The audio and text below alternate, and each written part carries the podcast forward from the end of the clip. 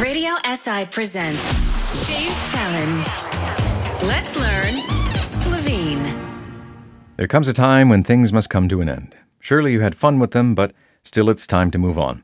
Especially when there's someone new in your life that you love more than the world. So it's time for Fani to tell Dave the bad news the old car must go.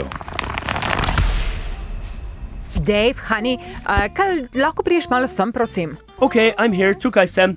What do we need? Uh, diapers? A napkin? A sandwich? Ne, dobro sva. Uh, no, mogoče bo treba kmalo plenico menjati, ampak veš, kaj nekaj drugega bi se morala pogovoriti. Uh, mislim, da je čas, da razmisliva o nakupu novega avtomobila.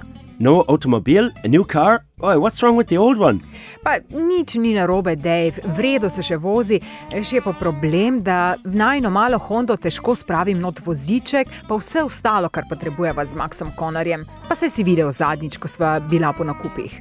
Oh, yeah, I remember. Yeah, there wasn't an inch of space left. Ja, in zdaj si predstavljaj, kako bomo poleti šli na dopust. Okay, yeah, Fanny, I get it. You're right. Yeah, rabim a novo auto. Ja, kakega enoprostorca. Uh, eno what? Prostor? Like one room car or something? Pa ne, oni ta velik avto, veš, ko ima drsna vrata.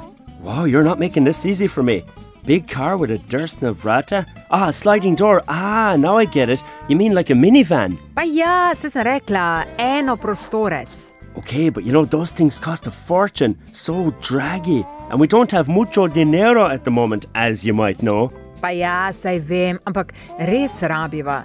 Pa glej, se ni treba, da kupiva novega, lahko je rabljen. Ah, so not new, like a used car. Oh, yeah, that'll probably fit our price range. Uh, what else did you have in mind? Uh, ja, imeti mora velik prtljažnik, Aha. pa varen mora biti, Okay, pa dobro klimo, check. pa zatemnjena stekla, da Maxu Konorju ne bo sonce sijalo v obraz, ko se bomo uh, vozili. Aha, so like a big trunk, a big boot. Aha, and it must be safe with good air conditioning and tinted windows. Got it. Wow. Uh, anything else, my lady? Ne, glej, ostalo prepuščam tebi. Pa itak bova šla še na probno vožnjo, preden se odločiva. Uh, proba? Ah, you mean like a test drive? Yeah, of course, of course. Ja, veš, sem zadnjič, ko je naj mali počival, malo gledala na internetu, pa jih je kar nekaj. Ali pa da greva kar v kako avto hišo pogledat. Yeah, you know, Fanny, I don't really trust the internet that much, so it's better if we buy the car at the car dealer. Anyway, I'll have a look, yeah?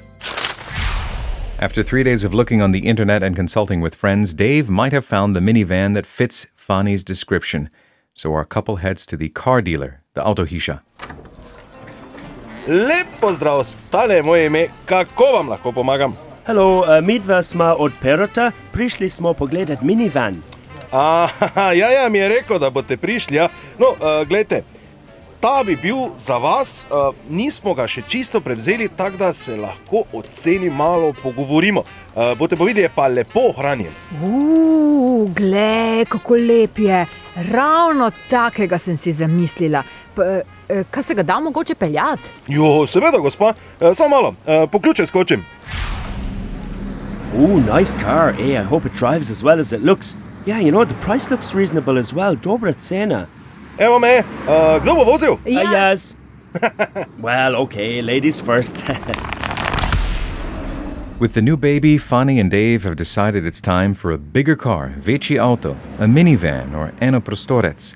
It has a Veci Pretlajnik, a bigger trunk, is safe or varen, has good air conditioning, klimatsko napravo, plus the car salesman, prodajalec at the Autohisha car dealer even says the price is negotiable. But before you buy any car, you should go for a test drive or test na vožnja. oh, good thing we left Max Connor with the grandparents. Whoa! Dave's Challenge, your daily dose of Slovene language.